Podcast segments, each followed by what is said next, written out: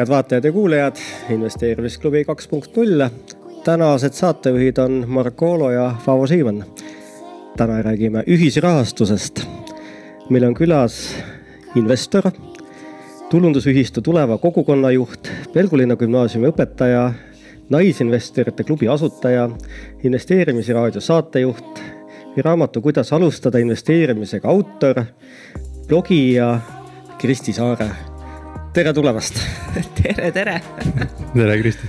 ma pean midagi veel tegema, et siis see tutvustus läheks nagu veel pikemaks edaspidi no aga sa teed kogu aeg äh, uusi asju ka, nii et, et ma arvan, et, et aasta pärast äh,, kui räägime, siis on nagu. kolm asja juurde lisada. vähemalt jah, paar rida juures mm. -hmm täna siis äh, on idee selles, et, et räägiks äh, sinu investeerimispõhimõtetest, strateegiatest, õppetundidest ja, ja peamiselt vaatame siis investeerimisinstrumentide osas vaatame ühisrahastust mm. -hmm.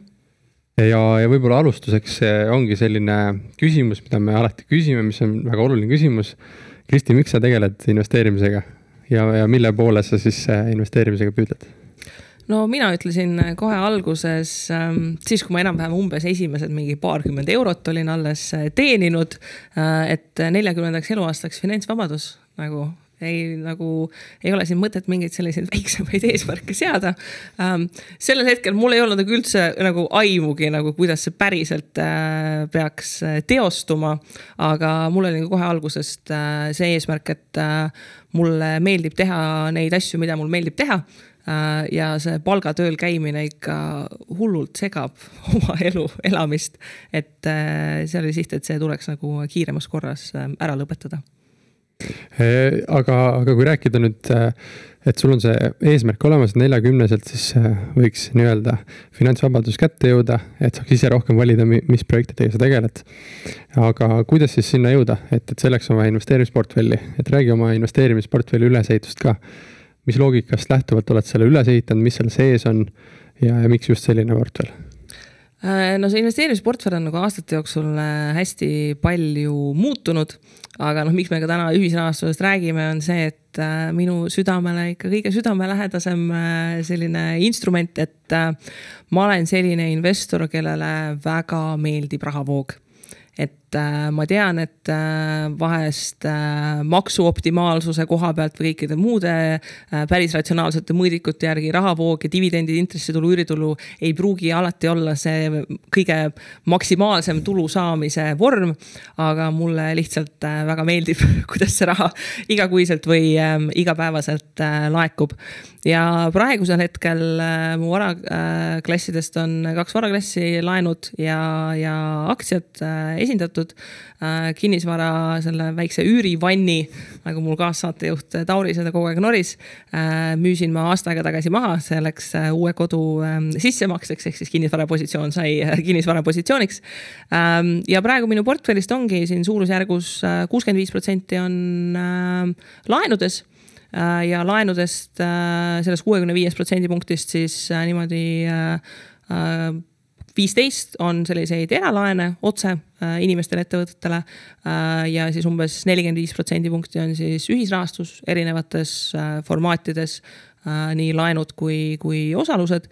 Ähm, ja siis ülejäänud kolmkümmend viis protsenti on siis börsidel kasvamas ja sellest siis umbes sellest kolmekümne viiest protsendist umbes üks kolmandik on siis indeksfondides läbi kolmanda samba ja siis tiksub kuskil kasvukontol.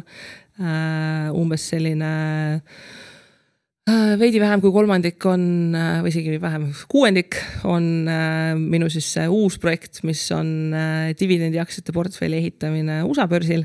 Äh, ja siis äh, natukene üle poole nendest börsipositsioonidest on siis äh, Baltikumis peamiselt dividendiaktsiad ja natukene sellises osta-hoia kahetse spekulatiivsetes positsioonides, millega ma kaasa sõidan ja ja nukrutsen põhimõtteliselt. kas sa oled kogu aeg nagu mõelnud, et sa tahad nagu iga kuu jooksvalt sissetulekut saada tihtipeale nooremad inimesed alustavad, et saaks kuskil ühe kapitali kasvusõidu kaasa teha ja siis vanemas eas tahaks, et oleks nagu pinsilisa et.... ma ei tea, äkki ma olen hingelt nii vana, aga tead, selle kapitali kasvuga on see, et ähm, ma olen ausalt öelda nagu noh, ma olen laisk ka, eks ju ähm,, aga mul on nii kiire et äh, kapitali kasvule panustamine eeldab tegelikult, et sul on aega jälgida, et äh, no esiteks sa pead kaks korda pihta saama, et ostad õigel ajal ja siis sa pead õigel ajal müüma ka.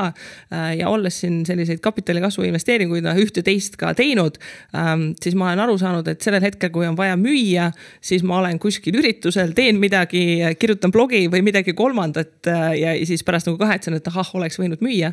Et kui midagi ise väga hästi ei oska, siis ei tasu endale stressi tekitada. et mina sellised kapitali kasvu positsioonid või osalused, mis ma olen võtnud, olengi võtnud sellised, et okei okay,, et see kapitali kasv on väga tore, aga ma võtan sellised positsioonid, kus mul on okei okay, nagu kümne või viieteist aasta pärast see välja võtta, mitte nii, et ma pean nüüd iga kvartal või iga päev või, või iga kuu jälgima, et kas, kas nüüd on see hetk, kus kapitali kasv on äh, ära maksimeeritud Nendest äh, aktsiapositsioonidest ja, ja kogu sellest osast oleks väga huvitav rääkida, aga ma arvan, et selle võtame järgmiseks korraks, sest et äh, see ühisrahastus on päris suur teema. aga ma ei, võib-olla siis korra ikka segan, aga krüptoraha su portfellis ei ole või? ei, ei, seal on ka see koht, et ähm, ma pigem mängiks lotot ja ma lotot ka ei mängi, sest et ma unustan ära, et kunagi võiks pileti osta et äh, ma selline, mul on portfellis mingi osa selliseid ähm, väga spekulatiivseid positsioone, mis on sellised ettevõtte osalused või sellised äh, ettevõtetesse laenuinvesteeringud. Ähm, et see nagu minu sellise adrenaliini ähm, vajaduse täiesti rahuldab ära. et ma ei tunne, et ma sinna krüptot tahaks juurde võtta ja tutvusringkonnas mõni selline krüptoinvestor on ja siis äh, ma veedan niigi palju oma telefoniga koos aega, et seda, et ma kogu aeg nüüd jälgiksin, et äh, kuidas mingid coin'id mingis suunas liiguvad, et ma, ma ei tahaks rohkem tunde oma päevast nagu sellele ära anda aga, nende äh, ühisrahastuslaenudesse sisse minnes siis, et äh, miks just äh, see varaklass nii suurelt esindatud on? Ja, ja mis selle eelis on nagu teiste varaklasside, varaklassidega võrreldes? no eks äh, see ütlus on ka, et see esimest armastust ei unusta kunagi, et noh, mina ka alustasin ühisrahastusest investeerimist, sest mul ei olnud lihtsalt raha, et kuskile mujale investeerida. et äh, ma olen seda story't mitu tükki kuulnud, et minu kõige esimene investeering oligi kümme eurot ühisrahastusse, sest et noh, selle kümne euroga midagi muud ei olnud teha. Äh, ja, ja see kohene eduelamus, et mitte küll järgmine kuu, aga ülejärgmine kuu juba esimesed intressid tulid, et, et mulle siiamaani see väga meeldib. Ähm, ja eks seal on ka see noh, selline see ajakulu element, et et äh, noh, laenud kui sellised mulle noh, lihtsalt kontseptsioonina ka meeldivad ja ma annan laene ka väljaspool ühisrahastust otse välja. aga kui sa annad otse, sa annad korraga suurema summa, see eeldab äh, veidi suuremat panust tegelemist ja suuremat riski, kui sellega midagi juhtub. Ähm, et selle võrra ühisrahastus on suutnud nagu kombineerida mulle sellised äh, atraktiivsed elemendid. et sa saad lihtsalt hajutada ja riski maandada, et sul on piisavalt palju valikuid, et mis portaali kaudu, kellele, mis tingimustel ja noh, kuna mul enda töö on siin nagu ja, ja vaba aja tegevus investeerimisvaldkonnal läinud, et noh, see aitab mul natukene sellist ähm, äh, hobi ja hobi ja seda investeerimist nagu kombineerida, et mingid asjad, mida ma huvi pärast loen, et siis ma saan enda portfellis äh, kohe katsetada, et ähm, et selleks, et samal tasemel, ma arvan, et aktsiaid analüüsides tuleb enne finantsvabadust saavutada ja siis on aega seda aktsiate analüüsi tegema hakata no kuidas see portfelli ülesehitus on läbi aja nüüd muutunud äh, viimase seitsme aasta jooksul, mil sa oled äh, aktiivselt nagu investeerinud, et, et kuidas need osakaalud muutunud on? Äh, noh, ma alustasin esimesed kümme eurot, sada protsenti olen täiesti ühisrahastuses ähm,. aga tegelikult ma hakkasin ühisrahastusest pihta äh,, siis umbes äh, aasta ja natukene hiljem ma hakkasin siis Balti börsilt esimesi aktsiaid ostma, sest et selleks hetkeks ma olin siis sissetulekuga nii palju tegelenud, et see äh, viissada eurot miinimumost oli juba mõistlikult kättesaadav. ja umbes äh, mingi äkki poolteist aastat pärast seda, siis ma ostsin selle üürivanni, et katsetada, et kas mulle selline kinnisvarainvestori elu meeldib või, või mitte. ja noh, eks äh, mõned asjad on nagu algusest peale jäänud, et äh, minu kõige esimene ost kaubamaja on siiamaani mul portfellis suhteliselt suure osalusega. aga ühisrahastusportaalid, neid on nüüd nagu tulnud ja läinud, et alustasin Bondorast, vahepeal oli seal lausa kaks portfelli eraisiku ja siis läksin üle ettevõtte portfellile ja siis tulin sealt täiesti välja ja ei ole tagasi vaadanud äh,. Olen katsetanud ära estate guru äh,, hetkel seal ei investeeri äh,. Siis hakkasin investeerima oma rahasse, mis hetkel on portfellis sees. hakkasin investeerima Twinosse, kus umbes kaks aastat tegutsesin, aga siis seoses seal portaali muredega väljusin äh, täiesti olen katsetanud ära mõned sellised pisemad a la Manisenid, Viventorid, noh, mingid asjad, mida lihtsalt nagu sellisest professionaalsest huvist äh, oli vaja teada äh,. ja siis, kui Mintos tuli, siis alguses vaatasin äh,, lasin natukene seda track record'it joosta ja, ja lisasin ka selle portfelli äh,. ja siis vahelduva eduga on olnud ka Crowd Estate Äh, just eelkõige kinnisvara arendusprojektide rahastamise koha pealt. aga praegu, kuna ma siin äh, koduostuga tegelesin, siis ähm, kinnisvara osa äh, netoväärtusest on niigi suhteliselt suur, et, et kinnisvara eraldi ei, ei ole ei otse ega läbi ühisrahastusportaalide praegu, et kuna ka valik on suhteliselt kehva ja, ja mis ma siis nüüd lõpuks enda portfelli lubasin lisada, et mul oli eesmärk, et ähm, ma siin ettevõtete osalusi ei siin läbi Funderbeami ega Fundwise'i äh, enne ei hakka võtma, kui portfell piisavalt suur on. Äh, et siis nüüd vaikselt olen hakanud sealt mingeid selliseid väikseid ähm, huvipakkuvaid ettevõtteid äh, korjama, et see on mul selline see mänguosa portfellist, et see viis protsenti on sinna allokeeritud, et sellega võib mängida, et vaatame, kuidas ähm, läheb, et, et sellest, see on selline hard limit minu jaoks, et sellest nagu nende ühisrahastuskaudu osalustega üle ei, ähm, ei lähe nii et kokkuvõttes sul on hetkel siis oma rahas Mintoses põhiliselt ja natukene Funderbeamis ja Fundwise'is uh,? Funderbeamis ainult, Fundwise'is uh, hetkel ei ole, et uh, ma kaaluks lisamist, aga mind hullult häirib see, et järelturgu ei ole, turgu ei ole. et uh, mida riskantsem investeering, seda olulisem minu meelest on, et sul on mingi exit element või mingi likviidsuspuhver seal uh, tegelikult ikkagi olemas nii, no tundub igatahes kõrvalt vaadates, et sa oled nagu selles mõttes vist kõik ühisrahastusportaalid ära proovinud. no peaaegu kõik jah. et sa tead, et äh, kellega kõige lihtsam asju ajada on, et um,? no vot tead, selle ühisrahastusega on see probleem, et um, noh see vara, noh, see varaklass nagu noh, laenud või osalused, mis iganes, on iseenesest vanu, vana ju, aga kui sa nagu seda instrumenti sinna peale ehitad, tehnoloogilist ja igasuguseid uusi põnevaid lahendusi ja kõike muud läbi katsetad. Äh, siis ega aja jooksul on siin olnud äh, põhjust minu ingliskeelse blogi, kus, mis mul hetkel on küll veidi soiku jäänud, kus ma just eelkõige ühisrahastusest rääkisin. no on põhjust nagu praktiliselt kõikidele portaalidele vastu päid jalgu anda. et ähm, see kliendi kogemus või investor kogemus on, äh, on ikka noh, kordades parem paranenud selle koha pealt, et need portaalid teevad asju paremini, selgemini, annavad rohkem infot välja.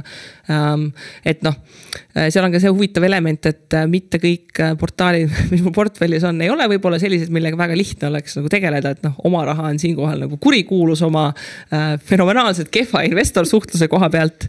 aga noh, mingi hetk on nagu see see kaalumine, eks ju, et kas ähm,, kas, kas see tootlus kaalub üles selle, et mida nad kliendisuhtluse koha pealt teevad no kui nüüd üldse niimoodi üldist konteksti vaadata, et äh, kuidas sa üldiselt hindad äh, meie ühisrahastusportaalide sellist majandustulemusi, nende jätkusuutlikkust, et äh, kuidas sa üldiselt hindad meie ühisrahastusturgu?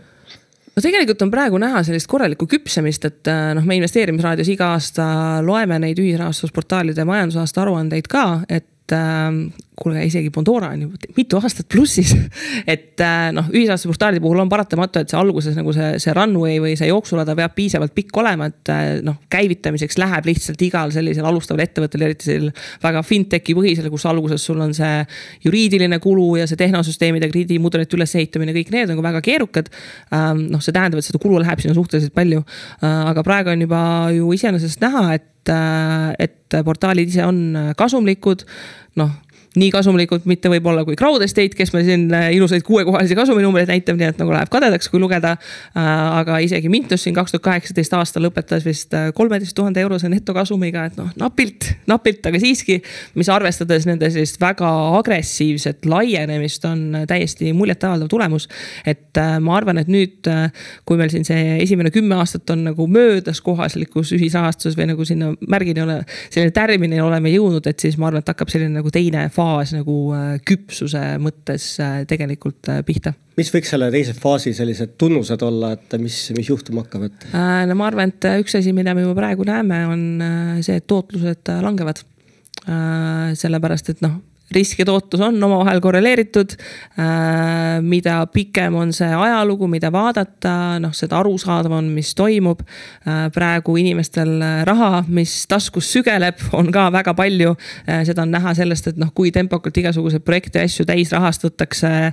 noh, eriti näiteks crowd estate'i puhul või estate guru puhul sa näed, et automaatpakkujad kütavad raha sisse ilma, et keegi seal mingit analüüsi oleks teinud, et noh noh, et äh, eks, eks näeb, et kui hästi nüüd sellega läheb, enne kui see pauk kuskilt äh, tuleb.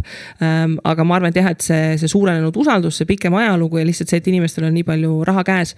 noh, juba praegu, kui vaadata, et siis, kui mina alustasin ja, ja mis on praegu äh, noh, need aastased tootlused on läinud madalamaks ja selliseid ebaefektiivsuseid või selliseid nippe, trikke, asju enam väga ei ole, mida rakendada selleks, et saada märkimisväärselt keskmisest kõrgemat tootlust? mina, mida mina kuulen, on see, et osad inimesed ütlevad mulle, et mina sinna ühisrahastusse ei lähe, sellepärast et see pole ühtegi majanduskriisi üle elanud ja niikuinii mingi jama kunagi tuleb, et äh, mida sa nendele nagu ütleksid, et kuidas majanduskriis võib meie ühisrahastusportaale mõjutada, et kui majanduslangus tuleb et...? Mhm. no üks asi on see, et noh, see portaal ise, et noh, kui me räägime laenu andmisest, mis on ju tegelikult see varaklass, siis noh, laenu on meil, ma ei tea, kui mitu aastatuhandet juba antud, aga, aga nagu päris palju äh,. antakse laenu nii enne kriisi, kriisi ajal kui, kui pärast kriisi. aga muidugi tasub siin olla ettevaatlik selle koha pealt, et Äh, noh, on kaks sellist hästi suurt elementi, mis äh, määravad ühe portaali edu. Ähm, esimene neist on see, et kui hea on tegelikult nende üles ehitatud krediidimudel, et kui hästi nad suudavad hinnata oma kliente. et noh, laenu oskab igaüks anda, väljakutse on selles, et kuidas anda seda laenu niimoodi, et, et need inimesed tagasi ka selle maksaksid. Äh, et see krediidimudeli ülesehitamisesse investeeritud raha, noh, see on ettevõtte jaoks üks kõige suuremaid väärtusi. teine asi on muidugi see, et jah, kas see portaal ise peab vastu ja siin tasub fundamentaalselt aru saada sellest, et mille pealt ühisrahastusportaalid ise raha teenivad. Äh, tegemist on puhtalt mahuäriga. Äh, nemad teenivad äh, mingi protsendi lepingutasu, mingi kombineeritud hübriidlahenduse, vahest võib-olla mingi edukustasu. aga selge on see, et mida suurem on maht, seda rohkem on neil raha. ja siinkohal noh, võib-olla kui siin väga kriisi karta, siis ma soovitaks eelistada neid portaale, millel on piisavalt palju mahtu ja mille majandusaasta aruannetest sa näed, et nende kulud on juba stabiliseeritud stabiliseerunud, mitte et nad ei ole sellises väga agressiivses raha põletamise faasis enam. aga seda, et noh, et ühisrahastus, kui nagu nüüd noh, täiesti nagu vastu taevast lendab, et noh tarbimislaenud kui selline, kui me räägime inimesed, inimesed laenud, on ju klassikaline tarbimislaenud. Äh, mis on võib-olla noh, ongi pankade tarbimislaenude portfellid ju tulevad kriisist läbi, et jah, see maksehäirete hulk võib mitmekordistuda. aga ühel hetkel need inimesed äh, ja need laenud äh, taastuvad ja maksavad viivistega selle raha ära. noh, muidugi, kui me räägime siin kinnisvaraarenduste rahastamisest ja võib-olla see osaluspõhisest ühisrahastusest, et noh, seal muidugi neid pauke võib tulla suuremaid, et noh, võib-olla kinnisvara on siinkohal see kõige kõige riskantsem, sest et noh, kui kinnisvaraturg kukub ära, noh siis ta kukub totaalselt ikka ära. Äh, see, et äh, tavainimestel laenu on vaja, äh, noh, see ei ole siiamaani kordagi mitte kuskile ära kukkunud. ja ma ei näe ka põhjust arvata, et miks see kuskile peaks ära kaduma, et, et laenu andmine kui selline kriisisituatsioonis võib veelgi rohkem õitseda, sest et neid inimesi, kellel laenu on vaja, on selles situatsioonis tõenäoliselt isegi rohkem nüüd sa mainisid kõiki neid tegureid äh, ja tahtsingi küsida sinu personaal, personaalset sellist arvamust Eesti ühisrahastusportaalide ja ühisrahastus siis laenude pakkujate kohta. et mis sa arvad, äh, kes täidavad need kriteeriumid ära, kes on täna tugevas olukorras, keda sina eelistad uh,? see on äh, hea küsimus ähm noh, no kui vaadata puhtalt numbreid, et kellel on nagu maht, kellel on ajalugu ja, ja kelle nagu finantsseisund on, on okei okay,. Äh, siis noh, ma eeldaks, et äh, Crowd Estate, Estate Guru äh,, Oma Raha ja Bondora, et noh, neil ei peaks olema tegelikult nagu mingit põhjust, miks nad upakile peaksid minema. aga noh, vaata, see on selline äh, noh, kolm korda üle õla sülitada, eks ju.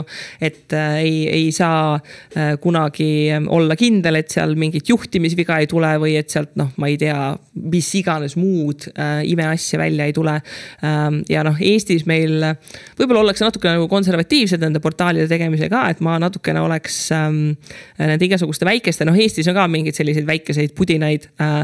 aga vaadata, et noh, kui palju need lätlased jaksavad neid tagasiostugarantiid pakkuvaid pisikesi putkasid teha, noh, see on nagu täiesti uskumatu.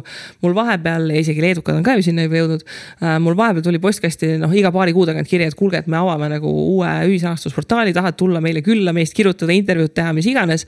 Ähm, et noh, siis nagu mingil hetkel on noh, see numbers game, eks ju, et äh, kui sul on portaal, mis kuus alla miljoni euro annab välja ja siis ta võtab ise sealt mingi neli protsenti vahendust, noh on nagu raske seda äri pikas plaanis äh, püsti pidada, et äh, ma arvan, et see, see miljon kuus on võib-olla selline kuidagi selline põhimõtteline teetähis ka, mida, mida tasuks jälgida, et kas suudetakse sinna kasvada, kas suudetakse seda hoida.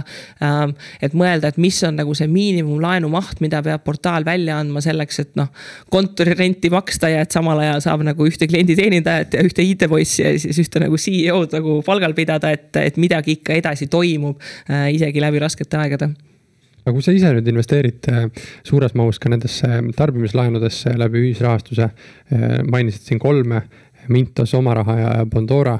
et äh, mis on sinu enda selline laiem investeerimistees või ootus, kui sa nendesse portaalidesse siis raha paned?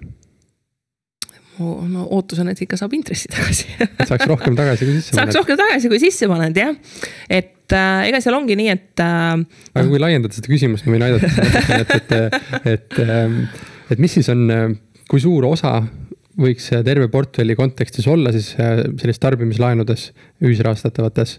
Äh, kui suurt tootlust sa ootad ja, ja kui likviidne instrument see sinu jaoks on? No kindlasti võiks olla vähem kui minul aga noh, praegu kui ma vaatan, et oh puhtalt oma raha Mintos äh, kahe peale on veits üle siin neljakümne prossa. Ähm, et siin on iga investor peab küsima, et noh, ongi, et mida, mida ta tahab saavutada, et minul on see oma raha ja Mintuse jaotus suhteliselt nagu konkreetne, et äh, oma rahast äh, saab kõrgemat tootlust praeguseks küll juba natukene napilt, aga saab kõrgemat tootlust ja see noh, see trade-off või, või see miinus, mis on, on see, et oma rahal ei ole tegelikult järelturgu. mistõttu sa saadki kõrgemat tootlust, sellepärast et osad investorid ei tule sinna, sest et seal ei ole seda exit'i võimalust, sa ei saa seda raha noh, kiirelt ja lihtsalt kätte, seal on küll mingi konto müümise süsteem ja mis iganes, aga noh, see on nagu mingi selline päris korralik ettevõtmine, et seda raha sealt kätte saada. Ähm, ja noh, mina olengi nõus, et mingi osa minu portfellist on selline vähem likviidne ja ta seal oma rahas tiksub ja ta saab selle eest natukene seda preemiumit tootlusena. Ähm, Mintose roll, äh, Mintose osakaal mul siin väga kõigub, et vahepeal mul Mintose osakaal oli nagu noh, praktiliselt kaks korda suurem. sest et äh, mina kasutan Mintost kahel eesmärgil, et noh, üks on see et sellel hetkel, kui ma investeerisin nagu neid ühisrahastusportaale oli hästi palju, seal tekib see probleem, et äh, iga uus lisatav portaal lisab sulle juurde admin koormust eks ju. sa pead ennast hoidma kursis sellega, mis just seal portaalis toimub, mis tingimused muutuvad, mis on mingid laenumahud, mis on mingid riskid. pead raamatupidajale ühe numbri asemel kaheksa numbrit saatma, eks ju. investeerimis Excelis ka peab mitu rida rohkem olema, mida jälgida. ja, ja mida Mintos pakub, on see, et kuna noh, ta on laenuturg, et sul on erinevad laenupakkujad, siis sul on võimalik seal ühe portaali siseselt enda soovi järgi strateegiat muuta nii riikide kui laenutüüpide struktuuri lõikes. et ma saan seda teha ilma, et ma peaks seda raha kuskile mujale ümber kolima ja tegema, et mul on võimalik, et seal on piisavalt palju valikut, et seda äh, strateegiat timmida äh,. ja teiseks, Mintos on minu jaoks ka selline äh, mingil määral ootel oleva raha puhver et kui mul on mingi raha, mida ma otseselt nagu praegu kuskile investeeringusse ei pane või ma tean, et noh, mul on näiteks mingi paari-kolme kuu pärast mingi võimalus tulemas, siis selle raha ma lükkan üldiselt kõik nagu Mintosesse tiksuma sellepärast, et kõikidest portaalidest Mintos on kõige likviidsem, mul just hiljuti oli ühte investeeringusse raha vaja paigutada ja mul oli Mintosest, Mintosest vaja viisteist tuhat eurot välja võtta, ma lükkasin selle järelturgu ja ma kandsin järgmine päev selle raha välja noh, et sellist likviidsust mitte ükski teine portaal äh, pakkuda tegelikult ei saa. et mul on nagu sellised hästi konkreetsed eesmärgid, mida ma tahan ja noh, muidugi ilmselgelt nagu tahaks tootlust ka saada. et Mintuses on ka noh, see enam-vähem stabiilne kaksteist, eks ju, mida saab äh, laenukontorite puhul ja kui on hästi valitud laenukontorid, siis see kaksteist võib tulla märksa madalama riskiga kui mõne laenukontori puhul. ja noh, vahepeal mingid cashback kampaaniad ja asjad ja mida iganes seal tehti, et noh, seal on ka võimalust, et kui natukene tegutseda, siis äh, oma seda tootlust suurendada no kui see tees on nüüd paigas, et, et kuidas sa siis seda strateegiat hakkad üles ehitama, et millised tegurid äh, selle strateegia ülesehitamisel sa vaatad, et kui minnagi nüüd päris äh, nüüd sinna nii-öelda masinavärki sisse, et, et. Mis riigid, mis kontorid, mis intressid mm? -hmm. no mul endal on pandud noh, mingil määral paika sellised nagu punased piirid või sellised rohelised piirid mul Excelis. ja punased on nagu hästi masendavad numbrid, nii et mul ei ole punased jooned, vaid mul tegelikult oma Excelis on sellised tumerohelised kastikesed. et kui mingi investeeringu osakaal nagu hästi suureks läheb, siis mul jääb see kastikene tumeroheliseks, et ma vaataksin, et noh, miks see osakaal nii suureks on läinud. et ma enda jaoks mõtlen tegelikult iga aasta nagu läbi, et ma vaatan, et äh, mis see osakaal varaklasside lõikes on, et kas ma tunnen ennast mugavalt, kas ma tahan kuskile suunda liikuda.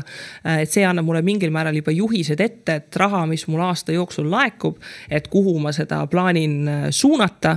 Ähm, siis ongi see järgmine samm sealt vaadata edasi, et noh, ma iga natukese aja tagant nagu jälgin ka seda, et kuhu mul see raha on paigutunud. Ähm, et kui sa seda igale poole jaotad, siis vahest nagu kaob see selline jälgimine ära, et nagu mis protsendid sul kuhu on, eriti kui ta siiski on ka kahe portaali vahel tegelikult äh, laiali jaotatud. Ähm, mingil määral noh, aktsiate puhul öeldakse vaata, et see äh, home market bias, eks ju, et see koduturu eelistamine, et võib nagu kehvasti kätte maksta, et noh, Baltikumi puhul kipub hästi olema, sest et me turg, koduturg on nii väike, et keegi teine peale meie siin väga ei taha olla ähm,. siis ühisrahastuse puhul mina tegelikult äh, tugevalt äh, eelistan koduturgu äh, või lähedasi turge äh,. just sellepärast, et kui me eelkõige noh, räägime Eestist ähm,, siin on võimalik palju rohkem olla kursis sellega äh,, milline on üldse keskmine tarbimislaenu turg, sa saad vaadata Eesti Panga statistikat statistikat. sa saad jälgida mingeid trende keskpanga, kuidas need intressimäärad liiguvad, et noh, sul on lihtsalt palju lihtsam, kui hakata näiteks mingi Poola laenuturu kohta seda infot otsima. Äh, sul on äh, noh, kohalik ühisrahastusportaalide kohta, eks ju, sa saad palju rohkem infot. Äh, ja Mintuses ka, noh, ma eelistangi siin, siin Eesti, Läti, Leedu kontoreid, suuresti Eestit, vähesel määral Lätit. Ähm, ka sellepärast, et need ettevõtted, mis annavad siia laenu, eks ju, ma olen selle turuga kursis. ja ka ettevõtted, mis mis siinkandis või neil on mingi tütarkontor või mis iganes. Äh, sul on reaalne ligipääs nende äh, majandusaasta andmetele, et sa saad uurida, puurida ja vaadata, mis see taust on. Äh, ja Eesti on ka õnneks niivõrd väike et ka kui sa võtad selle kodulehe ette ja vaatad, et kes need firma juhid on ja kes mida seal teeb, ähm, siis tegelikult on võimalik ka selle kaudu väga palju infot saada sellest, et kui kompetentne on see reaalne meeskond, kes seal ettevõttes tegutseb. Ähm, sest et ettevõtluses äh, see, kes juhib ja kuidas juhib ja, ja mida ta oskab teha ja mida ta varem on teinud, äh, mõjutab siiski tulemust äh, väga palju aga sellise laenu pikkuse osas, et, et kas sa ise investeerid pigem lühematesse laenudesse või pikematesse, on sul kombinatsiooni nendest? mina kusjuures ühisrahastuses lükkan pigem pikkadesse laenudesse Äh, sellepärast, et ka Mintuse puhul on kogemus olemas, et äh, väga hea on olla pikkades kaheteistprotsendilistes laenudes sellel hetkel. Äh, kui investorite raha üleküllus on, sest et siis laenukontorid tõmbavad oma intressid maha. ja kui sa oled pikkades laenudes sees, siis sind häirib see palju vähem kui need, kes seal ühe ja kolmekuuste laenudega on, neil kõik raha tuleb ringlusest nii ruttu. Ähm, ja teiseks noh, Mintuse puhul nii kogemuse baasil kui noh, lihtsalt nagu teades, kuidas teised investorid käituvad. siis need pika tähtaega kaheteistprotsendilised laenud kvaliteetsetelt laenukontoritelt on ülilikviidsed likviidsed järelturul. et mis sest, et äh, see raha mul ringleb suhteliselt pikalt. Äh, ma saan seda igal hetkel väga ruttu müüa. Äh, ja Mintuses on ka see element, et kuna tagasiostugarantii, kuidas ta toimib, on mitte ainult siis, kui mõni laen läheb pankrotti, vaid tagasiost toimub, kui ükskõik millist lepingutingimust muudetakse, näiteks laenu pikkust ja sellest tulenevat intressimäära. siis tegelikult see raha ringleb kiiremini, kui need pikad laenutähtajad viitaksid et äh, neid buyback'e toimub tegelikult kogu aeg ja ühel hetkel, kui tunned, et on raha vaja, äh, lükkad automaatpakkujad kinni ja tegelikult see koguneb kontole palju rohkem ja palju kiiremini, kui sa eeldaksid, et ainult nendest laenu põhiosa intressimaksetest tuleks ja, ja kas natuke räägime nendest laenukontoritest ka, et näiteks Mintose on äh, kuum teema, nagu sa ütlesid ka, et sul on suur osa Mintoses, siis millised on need laenukontorid, mis sulle huvi pakuvad? tead, me tegime Lauriga koolituse, kus me kaks tundi rääkisime sellest, et kuidas valida, millised on kõige paremad laenukontorid. Äh, ja siis inimesed olid mingi, et kas nagu nii keeruline ongi valida, mis kõige paremad on. Äh, Mintuse puhul on see. aga on, ma küsin siis äh, niimoodi, sa ütlesid väga nii. hea selle koha praegu, et, et me Kristjan Liivamäega tegime ka sarnast äh, siis äh, instituuti, nii-öelda investeerimisinstituuti ja seal äh, seitse nädalat vaatasime, et millist laenukontorit valida. me oleme Tauriga efektiivsemad, me ütlesime kahe tunniga ära, et tee analüüs ja inimesed küsisid ka, et kas tõesti, et nagu nii palju tööd peab tegema, et, et kas siis peab nii palju tööd tegema, et laenukontorit valida? Tegelikult ei pea nii palju tööd tegema, inimesed vaatavad Mintuses praegu mingi, mis iganes seitsekümmend laenukontorit või. sa ei pea kõike seitsekümmend läbi analüüsima, et inimestel tekib tunne, et sellepärast, et sul on hästi palju valikut, et siis sa justkui peaksid neid kõiki kaaluma, ei pea. kuna meil on Baltikumis neid ühisrahastusportaale ka minu meelest varsti juba seitsekümmend, eks ju, noh, sa ei pea neid kõiki kaaluma. et äh, me seda koolitusel soovitame ka, et esimene asi on see, et panegi paika, et mida sa tahad saavutada. ja, ja mis on sinu sellised nagu hard limits, et mis need punased jooned on. Äh, ja sa saad väga suure hulga laenukontoritest kohe elimineerida. noh, näiteks äh, kui sa pigem eelistad pikema ajalooga laenukontoreid, näiteks, et nad on vähemalt kolm aastat tegutsenud, juba see elimineerib väga palju kontoreid ähm,. sa eelistaksid laenukontoreid, millel on näiteks rohkem kui kakskümmend miljonit äh, eurot laene välja antud. jälle elimineerib mingi portsu ära ähm,. eelistaksid laenukontoreid, kellel vähemalt näiteks üks riikidest, kus nad laenu annavad, on mingi lähiriik, mille kohta sa midagi tead, eks ju. noh, see jälle elimineerib väga suure hulga ära äh,. et panna mingid piirangud ette, mis aitavad sul seda analüüsitava info hulka vähendada. et nende piirangutega sa võiksid jõuda sellisesse punkti, et sul neid analüüsitavaid laenukontoreid nagu jääks ikka niimoodi alla kümne lauale, et see on mingil määral nagu hallatav kogus, mida otsast hakata uurima, mille puhul majandusaasta aruanded ette võtta ja noh, ka vaadata seda, et mida teised investorid on kirjutanud, mis plusse ja miinuseid äh, leida on, et. Äh, ja kui need arvesse võtta, siis jääb sul kümnest alles umbes äh, niimoodi kolm, neli, kaks, kolm. jah, minul äh, hetkel on äh, põhimõtteliselt äh, kaks laenukontorit. mul on sellest minu nagu latist, millesse ma olen nagu nõus investeerima, seal on mingi viis-kuus laenukontorit enam-vähem.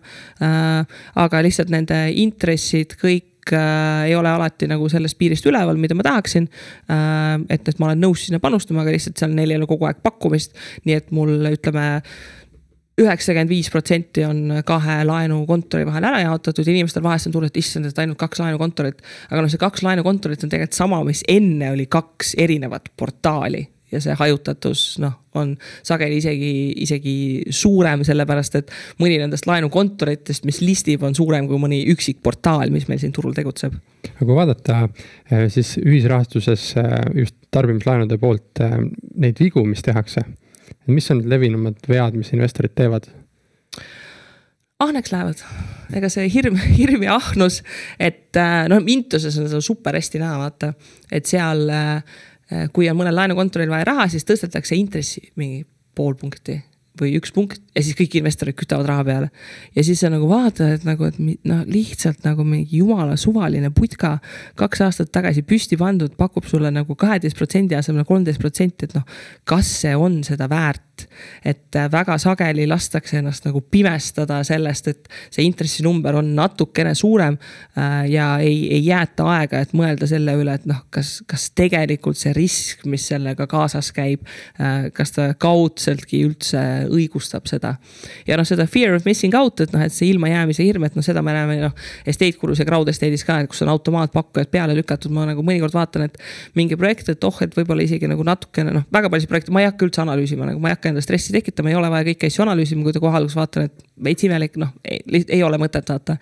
mõne puhul ma olen mingi, et okei okay,, et hakkaks analüüsima ja siis ma olen mingi, et ahah, et võtaks nagu mingi info lahti ja hakkaks uurima ja siis mingi uh, mingi automaatpakkujatest on juba täidetud ja siis mul on küsimus nagu, et noh, never ever ei ole need inimesed nagu päris mingit analüüsi teinud, see on lihtsalt, et vaatavad oh,, see projekt täitub nii kiiresti, ma panen ka raha ja noh, näiteks crowd'is me ju näeme ka tegelikult, et seal on selliseid huvitavaid upakile minevaid asju. no mõne puhul oleks ikka võinud nagu tõsisemalt tausta uurides nagu kohe alguses ennustada, et noh, kuule, et see ei ole ikka nagu päris, päris nagu see. aga kui Intuse juurde tagasi tulla, et need tagasiostugarantiid, et on need siis ikka reaalselt toimivad või, või on need ainult lubadused, et?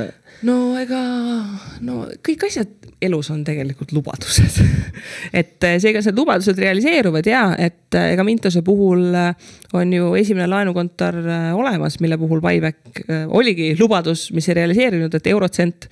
mul on ka neile kakskümmend üks eurot ja kaheksakümmend kaheksa senti veel kuskil taevas hõljub. Ähm, et jah, see buyback toimib nii kaua, kuni see laenukontor ise on äh, likviidne, toimiv, rahastatud ja nii edasi. Äh, ja näiteks Eurotsent on minu meelest väga hea näide sellest, et tegemist oli Poola laenukontoriga, suhteliselt suure laenukontoriga, tegemist ei olnud mingi pisikese putkaga. Äh, aga oligi noh, lõppkokkuvõttes nagu mulle tundub, et see probleem oli see, et oligi kehvasti juhitud ja natukene kehv krediidimudel ja noh, väga palju ei olegi vaja selleks, et sul laenukontor sussid püsti viskaks. ja, ja kui pankrotimenetluseks läks, siis buyback'i rakendamine peatati, kuna seda võlausaldajate järjekorda seal mingit äh, pidi üle vaadatakse. et äh, seetõttu ongi, et noh, Mintoses nagu sa ei keskendu üksikutele laenudele, vaid sa pead fundamentaalselt olema rahul sellega, et mida ja kuidas see laenukontor teeb. et kui ta on kasvufaasis, kui tal võib-olla ei ole väga ilusad nagu kasuminumbrid veel. Äh, kes äh, on tiimis, kes juhivad, äh, kas on olemas investorid, kui palju need investorid, noh, ehk siis nagu VC-d, riskikapitalistid, kui palju nemad on nõus raha sisse panema. noh, näiteks Bondora puhul, miks Bondora sai oma seda miinust nii kaua jooksutada, oli see, et neil olid investorid olemas, kes kütsid nagu raha peale. sest et neil oligi visioon, et lükkavad asja käima. kui tegemist on mingi väikese laenuputkaga kuskil X riigis, siis noh, tõenäosus, et seal on olemas investorid, kes nagu panevad raha sisse selleks, et rasketest aegadest välja tulla, noh, see ei pruugi päris äh, nii olla. et äh, et tasub ikka päriselt neid numbreid vaadata, sest et äh, see buyback'i garantii on äh, suhteliselt illusoorne. ja see toimib nii kaua, kuni see laenukontor on püsti ja sina investorina peadki olema kindel selles, et see laenukontor on püsti, et on väga suur vahe kas sul on mingi väga suur pika ajalooga kasumisettevõte, mis seda buyback'i lubab või sul ongi see värskelt äh, püsti pandud laenukontorikene, kes ütleb, et ja jah, et me seda buyback'i sulle anname, aga noh, iseasi nagu millal me kasumisse üldse jõuame ja kui kaua me siin tegutseda saame. kuna Mintos on vahendaja, et kuidas sa tunned, et kas Mintos tegeleb sinu kahekümne ühe euro kaheksakümne kaheksa sendi tagasisaamisega või nemad ütlevad, et et äris ikka juhtub ja lähme eluga edasi, et.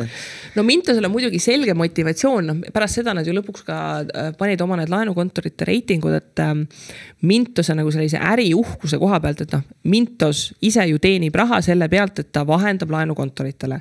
mis tähendab, et Mintos on väga tugevalt huvitatud sellest, et neil oleks investorite seas hea maine, et investorid julgeksid sinna tulla ja raha panna. ja seetõttu noh, Mintosele endale äh, see ei ole väga meeldiv, et mingi mingi laenukontor niimoodi sussid püsti seal äh, viskab. Äh, nad on ka noh, siin öelnud, et üritavad sekkuda ja, ja, ja teha ja investoreid kaitsta ja kõike muud. aga noh, seal on ka see koht, et äh, Mintus väga palju reaalselt ei saa teha, noh selle Eurotselti näitel sul Poola kohtuveskid jahvatavad. noh, ega nad tegelikult ei saagi midagi teha peale selle, et nad kaks korda aastas kirjutavad sulle update'i, et nagu nüüd mingi hagi jõudis, ma ei tea, mitmendasse astmesse ja mida iganes seal tehti. et lihtsalt juriidiliselt neil ei ole nagu väga palju võimu peale selle, et olla sellise sellise info vahendaja rollis.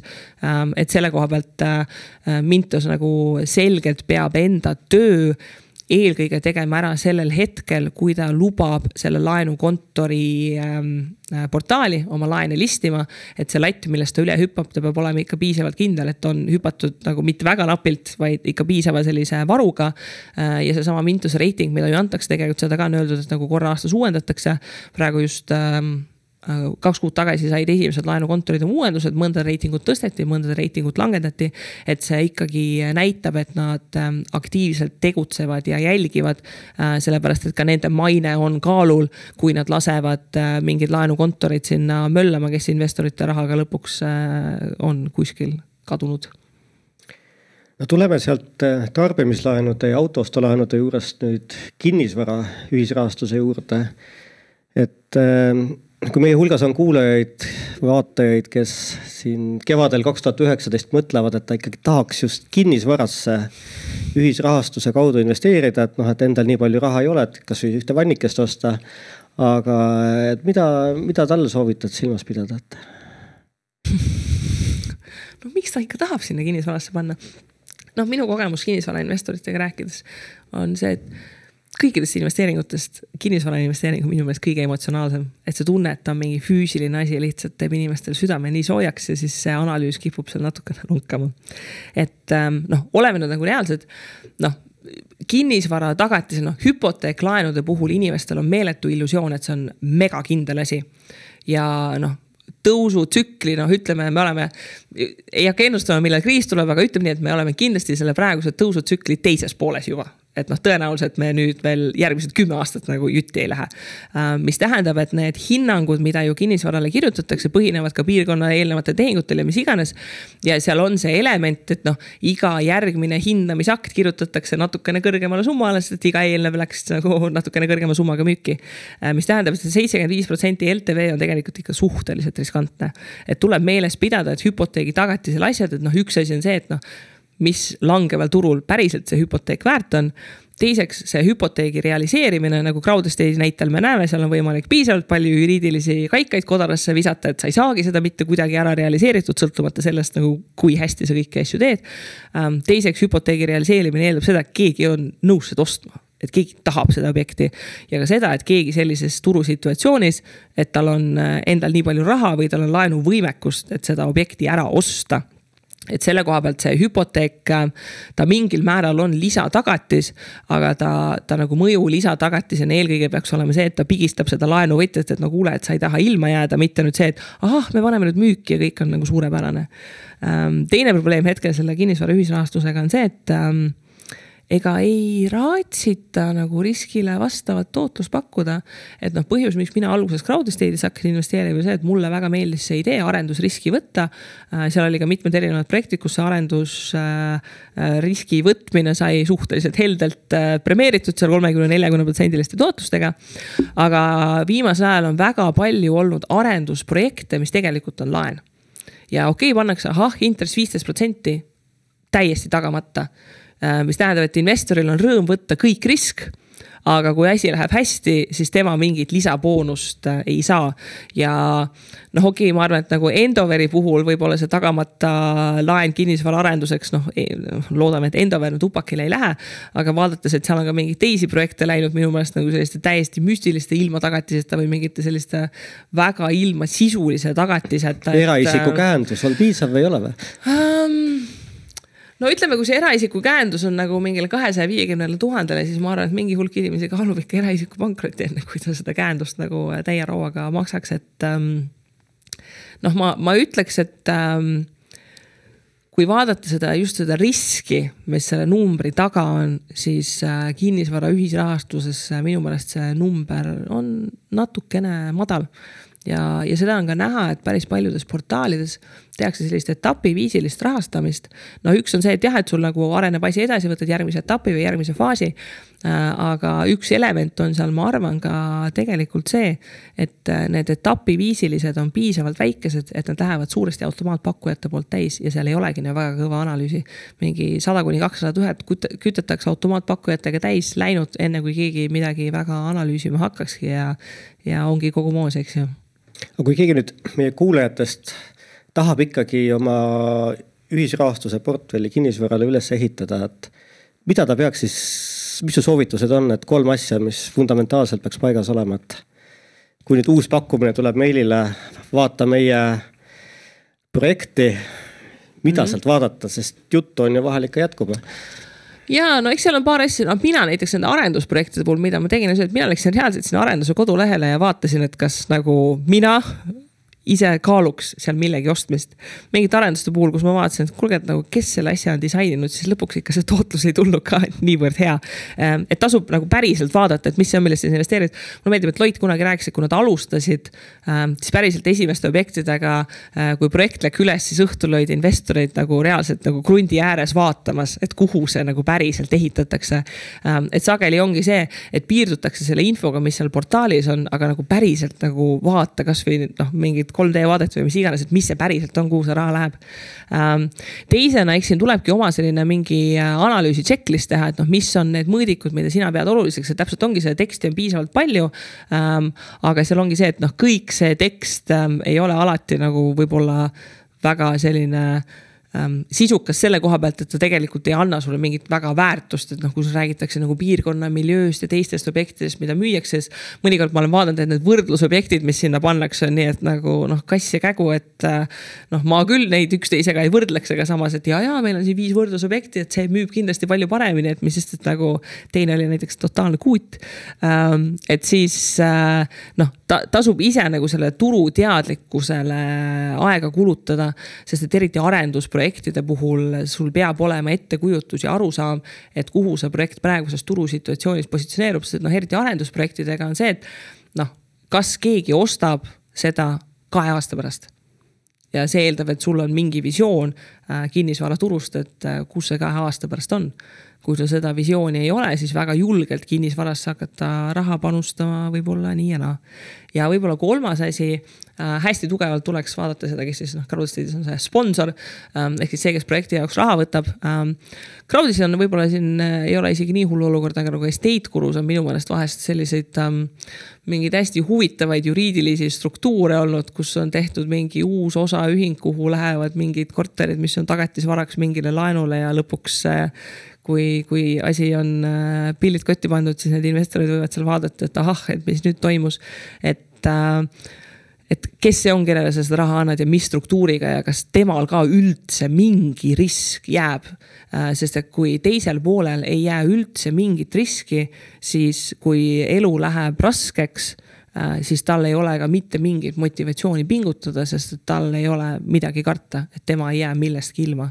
aga kui ma Läti kinnisvaraturule tahan siseneda, et kas ma võin usaldada, et see ühisrahastusportaal on piisava eeltöö ära teinud või ma pean ikkagi iseennast äh, Läti kinnisvaraturuga kurssi viima? ikkagi ise, ega ühisrahastusportaal, nagu öeldud, neil on see latt, eks ju ähm,. aga sina ju tegelikult seda ei tea, et kui kõrgelt see projekt sellest latist on üle hüpanud, et see on see koht, kus sa tegelikult äh, ise pead otsustama ja vaatama. ja see ongi see koht, et noh, Crowdi puhul näiteks paljud on, et noh, et kas see kinnisvaraprojekt on äh, mõistlik või mitte. noh, kuule, kui sa ei tea mitte midagi Riia, pole kunagi Riias käinud ja Google Maps'i pealt vaatad, üldse ei saa aru nagu, kus kohas see on. no ei olegi vaja sinna raha panna, tuleb mingi järgmine projekt. Ähm, see Läti on ka selles suhtes hästi huvitav case see Läti võib-olla illustreeris nagu äh, minu meelest ühte sellist suhteliselt suurt probleemi, mis meil kinnisvara ühisrahastuses on, on äh, see, et ähm, Eesti on väike ja Läti on väike. Äh, ja sellised ähm, infolekked mis toimivad, kuna projektidega on seotud väga suur hulk inimesi, siis ka näiteks Crowd Estate'i puhul mingid projektid, mis äh, hakkasid hapuks minema, see info liikus tutvuste kaudu enne.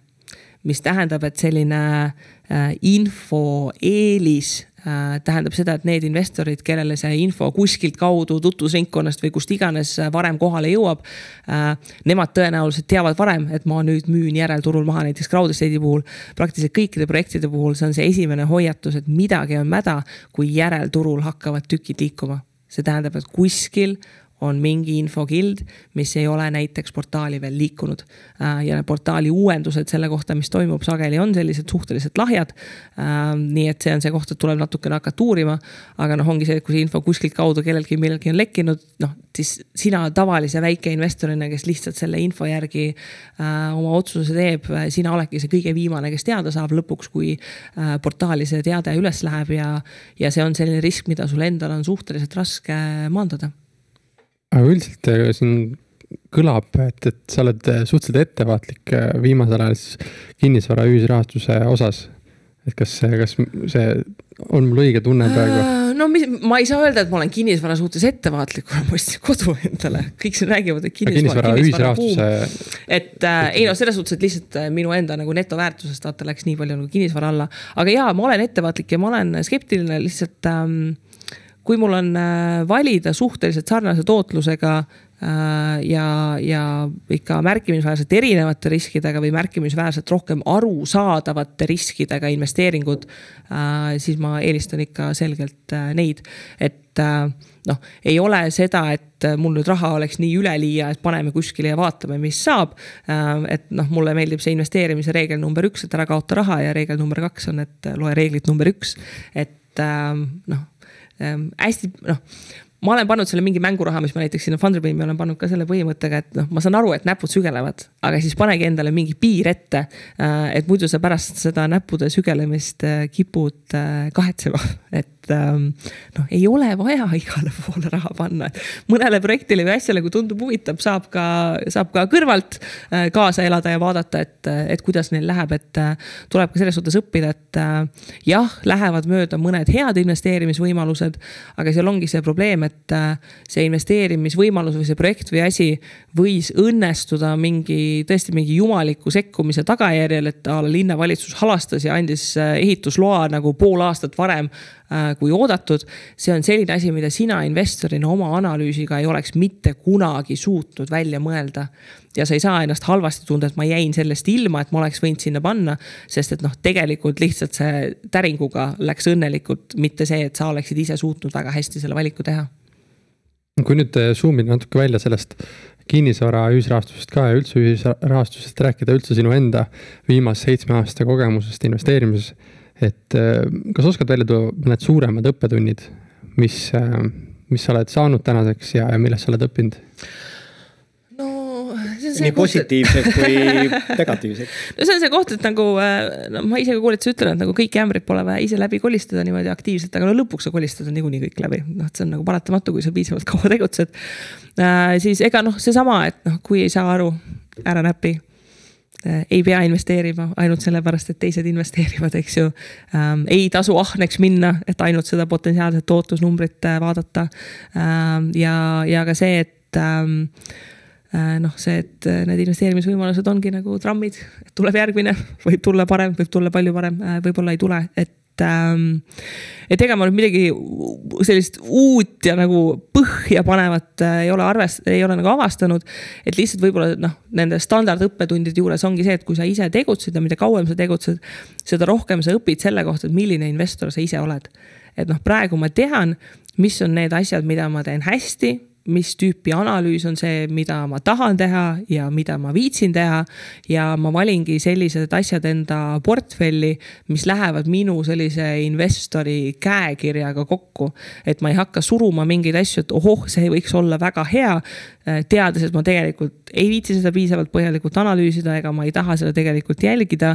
et noh, siis ei ole mõtet endale stressi tekitada sellega, et sa võtad endale sellise investeeringu hoole alla, millega sa siis pärast kirud, et kurat, jälle on vaja nagu midagi teha või analüüsida või, või jälgida aga kui jälgimisest räägidki, et kuidas sa siis jälgid nagu, et mingi maagiline investeerimis Excel käisid korra läbi ja. ja, ja vaadake, ta on mul siin selline ilus Oi, ja värviline. ilus värviline jah. ja siin on äh, lausa, ma võin kokku lugeda, siin on kohe kaheksa tab'i, kus on erinevad asjad sees Äh, ja ma olen seda investeerimise Excelit seitsme aasta jooksul vist umbes seitse korda ümber ehitanud ka. Ähm, et mul lõpuks on tekkinud selline arusaam, et mida ma tahan näha. Äh, ma just siin tegin seda investeerimise Exceli koolitust ka nagu lõpuks nüüd, et seda mul hästi kaua küsitud. ja ma nüüd tunnen, et ma olen nagu pärast seitset aastat nagu rahul sellega, mida ma ise näen. et see avavaade, mis ma teen, et see peegeldab mulle nagu päriselt nagu seda portfelli äh, olukorda ja seisukorda. ja noh, ma olen vaadanud mingeid äppe ja rakendusi ja mis iganes asju ja seal on alati see koht, et nagu uh, seal on mingi asi, mida ma tahaksin, aga mida seal ei ole. ja siis äh, selle asemel, et nagu veeta aega, et iga kord sa vaatad, et uh, ma tahaksin seda näha, siis mõtlesin, et noh, mis iganes, et ehitad selle oma Exceli üles ja sead sinna värvilisi kastikesi ja, ja valemeid ja, ja mida kõike teha ja Äh, mul siin jooksebki nagu noh, kaks nagu põhivaadet, üks ongi see varaklasside osakaal, mis mul on siis ka värvidega kodeeritud, et noh, et ta näitab mulle mingite osakaalude suhestumist, et kui midagi siin kas läheb äh, roheliseks või punaseks, et siis ma pean nagu tähelepanu pöörama sellele, et mis toimub. Äh, ja see peamine vaade, mida mina rahavooinvestorina järgin, ongi siis äh, rahavoo vaade, kus mul on siis äh, igast instrumendist laekuv rahavoo, kus ta näitab mul muutumist kuus kuusse jooksvat kaheteist kuu keskmist ja siis aastate omavahelist võrdlust. Ähm, et need on nagu kaks põhivaadet, kuidas ma, ma siis jälgin, et, et mis toimub ja annab sellise hästi hea pikaajalise trendi ette, et, et selle põhjal ma suudan ka siin üks päev on mul sellised tulevikuprojektsioonid positsioonid, et äh, kui kiiresti ja, ja äh, mingi järgmise numbri, noh ja niimoodi. noh, et mis hetkel see. et millal, millal miljonaks nagu, saad jah? nojah, põhimõtteliselt millal, millal nagu miljon, et meil äh, siin sõpruskonnas on selline väike võidujooks, et kes esimesena miljonini jõuab, et äh, siis peab seda projitseerimist tegema, et nagu kui palju jalad rohkem kõhu alt välja peaks võtma aga sa ütlesid, et sul on seal see portfelli osatähtsused, millest koosneb, siis kui palju sul nagu reaalselt eurosid laekub, aga mingeid suhtarve ka on sul seal või? ei, mitte ühtegi nii et äh, kui ma küsiksin, et mis su portfelli tasuvus on, et. Äh, äh, ei, selles suhtes ma tootlust tegelikult Xiri abil nagu arvutan. aga ma tean, et osad inimesed nagu mingeid aktsiate suhtarve asju ise jälgivad, jooksevad ja ma olen nagu mingi ei, ma olen see, kes läheb, teeb Yahoo Finance'i lahti ja vaatab, mis seal on. et see on ka see koht, et miks ma nagu aktsiaportfelli ka selliseid noh, Baltikumi laisad dividendimaksed, siis need spekulatiivsed positsioonid, mis on praktiliselt kõik korstnasse läinud. ja siis ongi, et ma ehitan nagu seda dividendi aristokraatide portfelli, sest no see on ka nagu nii igav, kui olla saab. ja siis indeksfondid, mis on nagu veel igavam ja siis ma olengi nagu, siis ma ei pea tundma stressi selle üle, et ma ei tea nagu, mis mul siin üksikaktsiate keskmine PE ja price to book ja igasugused muud huvitavad. millal sul see Xiri näitaja seal punaseks äh, värvab siis, et mis sul see piir seal on, et? kusjuures mul Xiri väärtus ei olegi äh, kodeeritud, et millal ta punaseks läheks, äkki ma peaksin selle tegema ma ei ole selle peale mõelnud. mis see, kui siit, siit võib-olla küsimus, et mis su tootlusootus üldse on portfelli lõikes? no ma olen see klassikaline igav, et, äh, et üle kümne. et äh, noh, siin nagu hakkabki mängima see, et äh, ma tegelikult natukene rohkem keskendun ähm, tootlusele nagu varaklasside või instrumentide lõikes.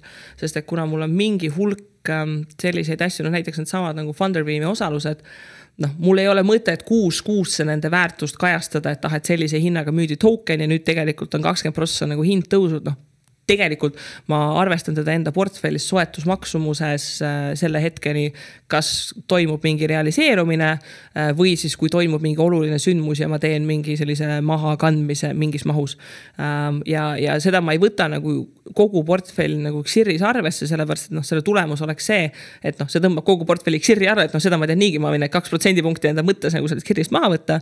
Ähm, aga et ma arvutan seda, et see raha, mis aktiivselt midagi teeb, et noh kuidas nagu seal see tegelik tulemus on? palju sul nagu äh, seisvat raha on, mitu protsenti portfellist, et kas null, sul on? null, mul on iga kuu lõpp on näpud põhjas, kõik on ära investeeritud. Et, äh, ja kõik need tublid investorid, kes hoiavad mingit cash positsiooni nagu äh, au teile, ma ei suuda, ma nagu vaatan pangakontole, et on mingi raha, äkki paneks kuskil ära. mul tegelikult meelerahufond kui selline ongi ettevõtte kontol. Äh, sellepärast, et äh, ühe ettevõtte kontol, mille alt ma ei investeeri et siis ma ei saa seda sealt kuskile nagu panna ja kui ma tahan seda sealt kätte saada, siis ma peaks seda divikana välja maksma ja siis on see maksukohustus, ma mingi, et fine, et las ta nagu istub seal rahulikult. et see ongi nagu see mõtteline meelerahufond.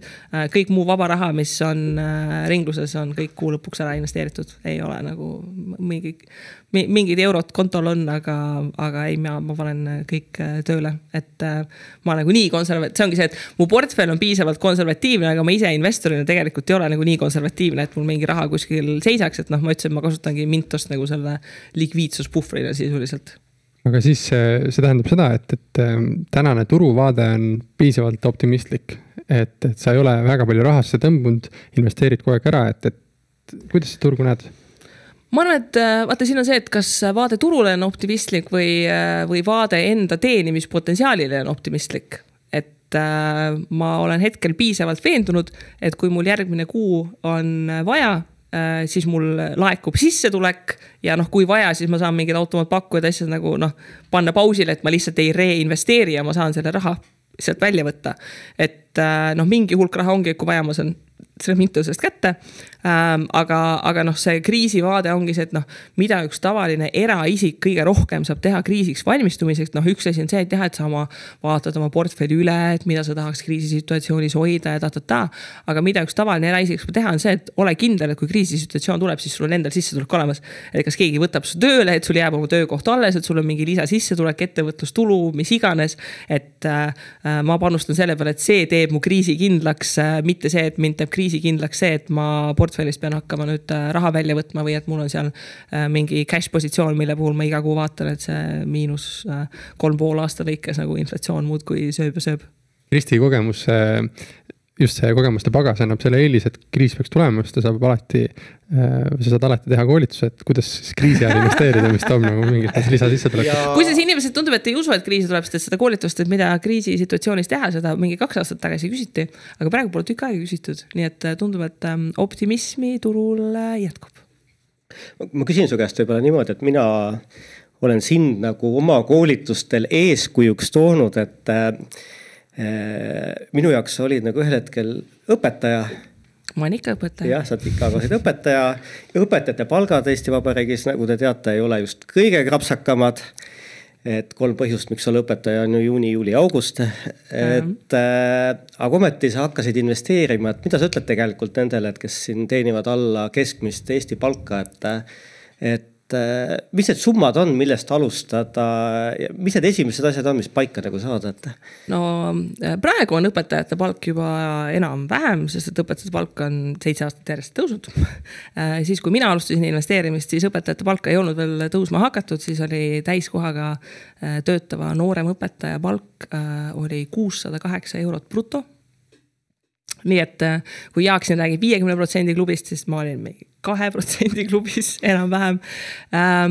Noh, ega seal lõppkokkuvõttes, äh, ega investeerimine ongi nagu kolm põhiasja, et äh, säästa rohkem, kui rohkem säästa ei saa, teeni rohkem ja kõik see raha investeeri ja siis jälgi seda reeglit üks, et ära kaota raha ja siis reegel kaks, et ära, ära ikka kaota seda raha. et äh, mina soovitan alati noh alustada kasvõi väikeste summadega, sest et äh, kui mingi hulk ämbreid tuleb läbi kolistada, siis väikeste summadega on lihtsalt vähem valus. ma kohtun ka väga paljude inimestega, kes on lihtsalt noh, et ma hakkan säästma siis, kui mul on rohkem raha ja ma hakkan investeerima siis, kui mul on rohkem raha. ei, kui sul on rohkem raha, sa ei hakka säästma, sest et see elustiili inflatsioon ja ma olengi kogu aeg niimoodi elanud, noh, tuleb mega ruttu peale. ja teiseks, mida kauem sa seda raha oled kogunud, siis seda armsamaks see sulle juhtub. et see julgus, et ma panen seal esimesed kümme või viiskümmend eurot, eks ju, see on nagu väga okei okay.. aga kui sul on mingi viis tuhat eurot kogutud, siis nagu selle mängu paneks, see on nagu kordades hirmsam, et noh, et issand jumal, et ma olen mingi aasta aega või ma ei tea, palju tööd teinud selleks, et seda kõrvale panna. et äh, ega seal tegelikult nagu midagi muud ei olegi, see, et see kõige esimesed kümme või viiskümmend eurot, see on kõige hirmsam. sealt ja... edasi läheb ainult lihtsamaks ja millal need teine ja kolmas, et äh, kas igakuiselt, iga-aastaselt? Äh? no tasuks jah igakuiselt, et lihtsalt investeerimine on selline valdkond, et sa lähed äh, seda paremaks, noh, mida rohkem sa sees oled ja, ja igakuiselt noh, et sa võtad endale lihtsalt, see on selline noh, selline elustiili või mõtteviisi muutus. et noh, miks mulle meeldib ka ühisrahastus, ongi see, et sa saad selle hästi ruttu selle eduelamuse kätte ja sa näed, et midagi kogu aeg toimub ja sa harjutad ennast sellega, et raha ja, ja oma raha haldamine ja portfelli haldamine, see on selline oluline element endaga hakkama saava täiskasvanud inimese elust. et sina juhid oma raha, mitte et äh, see raha kuskile kulub ja siis sa pärast saad ainult seda stressi nautida, mis äh, lõpuks alles jääb? me kõik äh, kohtume kolmekesi ka investeerimisfestivalil juba siin juuli keskel, et mida sina seal räägid? ja meil on seekord, me teeme ägeda workshopi, et ma siin eelmise suve lõpus Äh, kuna noh, kui enam rohkem säästa ei saa, siis tuleb rohkem teenida. Äh, kutsusin, äh, tegin üleskutse, et panna kokku selline mastermind grupp, mille eesmärk oli siis race to 10K ehk siis võidujooks kümne tuhande euroni. Ähm, ehk siis ootasin ettevõtjaid, kelle sihiks on jõuda kümne tuhande eurose kuu käiberi võimalikult ruttu ja sai selline äge punt kokku ja, ja kolm grupi liiget olemegi mina, Katrin Vilimäe ja Krista Teearu. ja siis me teemegi investeerimisfestivali sellise väikse workshopi, et äh, räägime natukene, et mida me siin oleme siin peaaegu aasta jooksul õppinud, mida oleme ära teinud, milliseid häid äh, mõtteid on ja loodan, et siis äkki äh, pärast äh, keegi paneb mõne järgmise Race to 10K grupi kokku, et Race to 5K on juba tehtud et äh, aga me loodame, et keegi nagu nüüd tuleks kõrgema eesmärgiga, näiteks race to fifteen K oleks nagu hea, et noh, nagu iga kord suurem number välja öelda aga mis see, mis siis saab, kui ähm, teil see kümne tuhandene kuukäive on saavutatud, kas te siis ise tõstate oma eesmärki või? jaa, meil on tegelikult kaks levelit. Äh, noh, kuna me oleme enamik teenusettevõtjad, siis meil on suhteliselt suur kasumimarginaal, eks ju, et äh, see target üks on kümme K kuukäivet, target kaks on kümme K kuu profit et äh, see on juba see natukene. suurusjärgu võrra kõrgem. suur, suurusjärgu võrra kõrgem jah. Ja et äh, hea meel, et, et sa oled ka tulemas selle aasta festivalile ja, ja tänase saate kontekstis äh, meil oli mõte, et Kristiga koos siis paneme tegelikult ähm, välja kaks Kristi värskelt siis äh, valminud raamatut mm,. no enam ei ole nii värske, juba neli kuud vana. Need on juba neli kuud vana jah, et, et aeg läheb kiiresti, aga paneks siis kaks raamatut välja mm -hmm. ja tekkis mõte, et teeme seda siis järgnevalt. ühe raamatu saab inimene, kes siis küsib äh, äh Kristi käest ühe küsimuse just nende postituste all, kus me seda podcast'i või seda videot jagame mm. -hmm. et küsige Kristilt siis küsimusi nii tema portfelli kohta investeerimise kohta, et Kristi saab siis personaalselt vastata ja valime ise siis ühe hea küsimuse välja ja anname raamatu mm. -hmm. ning äh, tekkis mõte, et kuna see on just ähm, suunatud siis alustavale investorile mm. -hmm.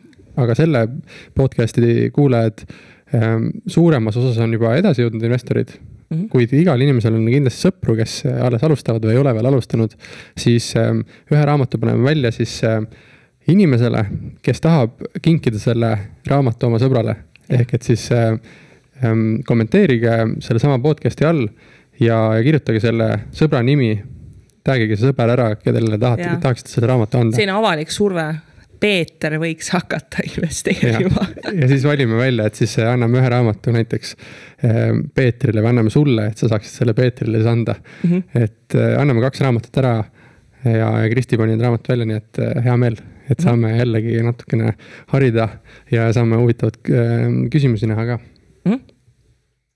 ning üldiselt omalt poolt.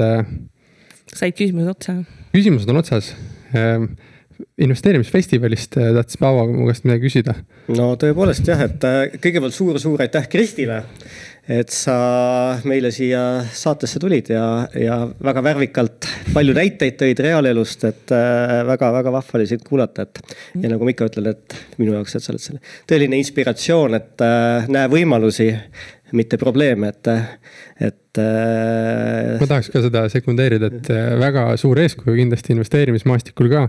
ja sina oled üks neist inimesi, inimestest siis, kes on Äh, vedanud eest nii mitut, mitut liikumist, et nii, et naised hakkaksid rohkem investeerima, kui ka kõik hakkaksid rohkem investeerima ja nüüd ka, et hakkaksid inimesed rohkem oma sissetulekuid tõstma, et, et väga mitmel rindel ja seda on väga äge näha ja sa reisid vist ähm, suvest alates erinevates Eesti otsades ka ja teate, see on iga kord, kui ma mingi koolituse panen üles, mis noh, kipub olema Tallinnas, mul kõrval tänavas. inimesed küsisid, aga nagu millal sa tuled nagu mis iganes linna. ja ma see aasta tegin, ütlesin, et fine, et äh, nagu ma ise nagu enda mõttes kutsusin seda investeerimise suvetuuriks aga lõpuks saigi selle asja ametlikuks nimetuseks investeerimise suvetuur. et ma mai lõpus ja juuni alguses olengi päriselt mööda Eestit tuuritamas, käin Rakveres, Jõhvis, Tartus, Võrus, Pärnus ja Haapsalus. nii et selline hästi korralik ring Eestile saab peale, et kõik, kes on kurtnud, et nende kodus investeerimistarkust ja investeerimisteadmist ei saa, siis, siis nüüd enam ei saa seda öelda. et kes Tallinnast väljaspool on, et nüüd, nüüd on teie võimalus väga äge, aitäh sulle. väga äge, et äh, sina, Marko, kui investeerimisfestivali peakorraldaja, et ma olen aru saanud, et voodikohad on juba täis, et äh, seisukohti veel jätkub? Äh, voodikohad said täis äh, täpselt äh, nelja päevaga sellel aastal, et, et meil on talus seal tavaliselt olnud äh, kuuskümmend voodikohta.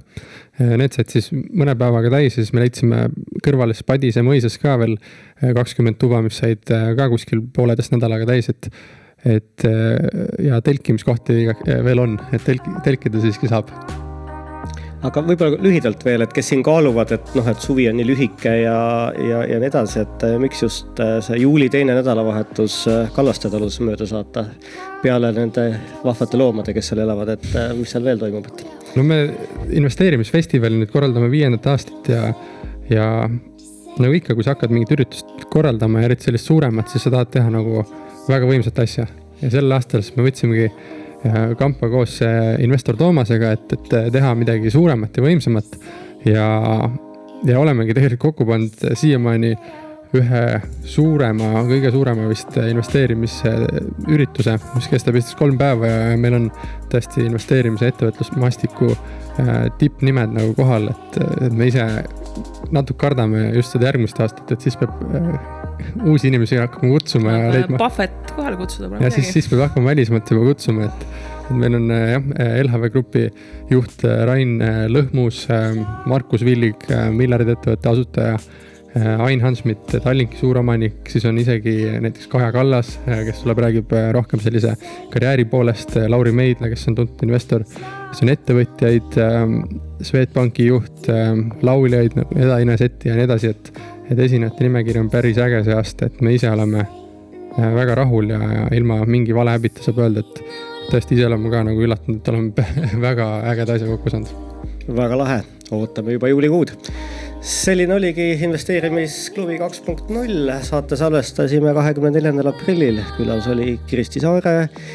videopilti ja helipilti tegi meile Ahti Ahti on meil kahurivägi ja Ahti on äh, mees kaamera taga, kelle, tänu kellele tegelikult see kõik saab teoks, et, et äh, iga saade on saanud teoks tänu Ahtile ka. nii et Ahti näitas esimestes, äh, esimestes saadetes näitas isegi pöialt kaamerale. ma seda just ootasingi, et see tuleb, et mul oli see meeles. Ahti, teeme mööda, ja Ahti on olemas nii, aitäh kuulamast ja kohtumiseni. tšau.